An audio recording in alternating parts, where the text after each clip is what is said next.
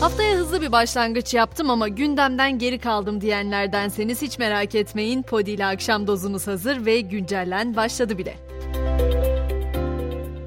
Malum önümüzde bayram var ve Ticaret Bakanlığı Kurban Bayramı öncesi 81 ilde fahiş fiyat denetimlerinin yapıldığını açıkladı. Haksız mağduriyete neden olanlara her türlü idari yaptırım uygulanacak. Öte yandan kurban kesimiyle ilgili cezalar da belli oldu. Umuma açık yerlerde kesim yapanlara 3036, kurban atıklarını toprağa gömenlere de 7283 lira para cezası kesilecek. Milyonların gözünü çevirdiği Asgari Ücret Tespit Komisyonu'nun da ikinci toplantısı bugün yapıldı. Herhangi bir rakamın masaya gelmediğini söyleyen Türk İş temsilcisi Ramazan Ağar, görüşmenin bu hafta sonuçlanması beklendiğini açıkladı. Bu arada henüz asgari ücret zammı belli olmadı ama döviz kuru, girdi ve akaryakıt fiyatlarındaki artış yurttaşın sofrasına yansıyacak gibi duruyor. Hesaplamalara göre 4 kişilik bir ailenin gıda harcaması aylık 10 bin lirayı geçmiş durumda. Ekmeğin gramajına göre 8 ila 10 lira arasında olması bekleniyor. Motorine de gece yarısından itibaren 1 lira 64 kuruş zam gelecek. Başkentte bugün görüşme trafiği de hareketliydi. Zafer Partisi Genel Başkanı Ümit Özdağ, CHP lideri Kemal Kılıçdaroğlu'nu ziyaret etti. İki isim seçimlerin ardından ilk kez yüz yüze görüştü. Kılıçdaroğlu görüşme sonrası Türkiye'nin sorunlarını, Orta Doğu'yu, dünyadaki gelişmeleri, seçim sonuçlarını, yerel seçimleri birlikte değerlendirdik açıklamasını yaptı.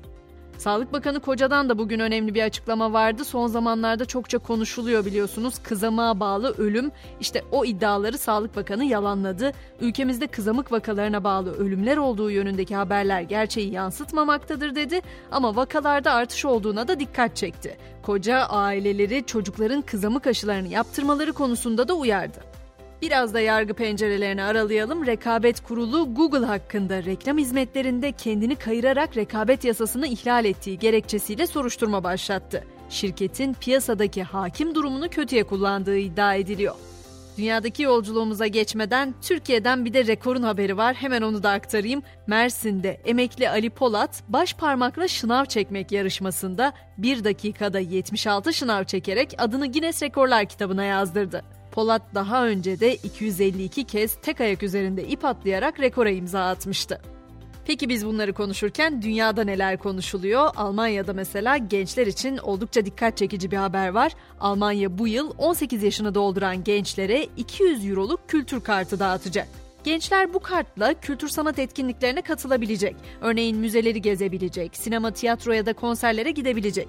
Hatta karttaki o 200 euro ile kitap ya da enstrüman satın almak da mümkün olacak.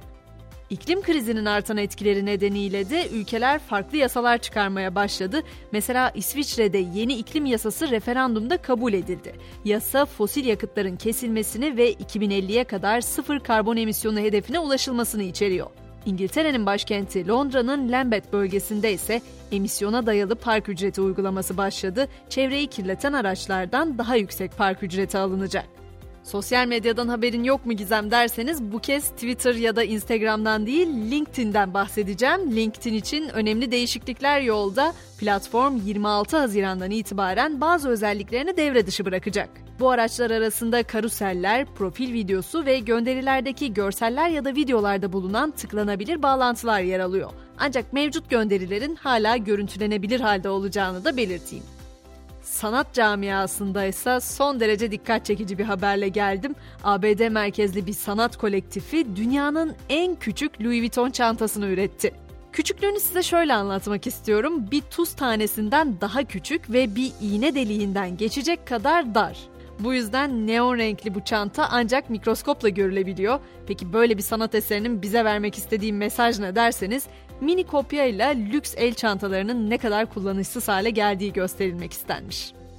Son haberim ise yine hepimizi yakından ilgilendiren dünyamızla ilgili dünyanın dönüş ekseninin kaydığı son zamanlarda hep konuşuluyordu. Ama bu kaymanın derecesi ve yer kürenin dönüş kutbundaki değişim incelenince doğrulanan hareket şok etkisi yarattı. Çünkü dünyanın dönüş ekseni sadece 20 yılda yaklaşık 80 santimetre doğuya kaydı.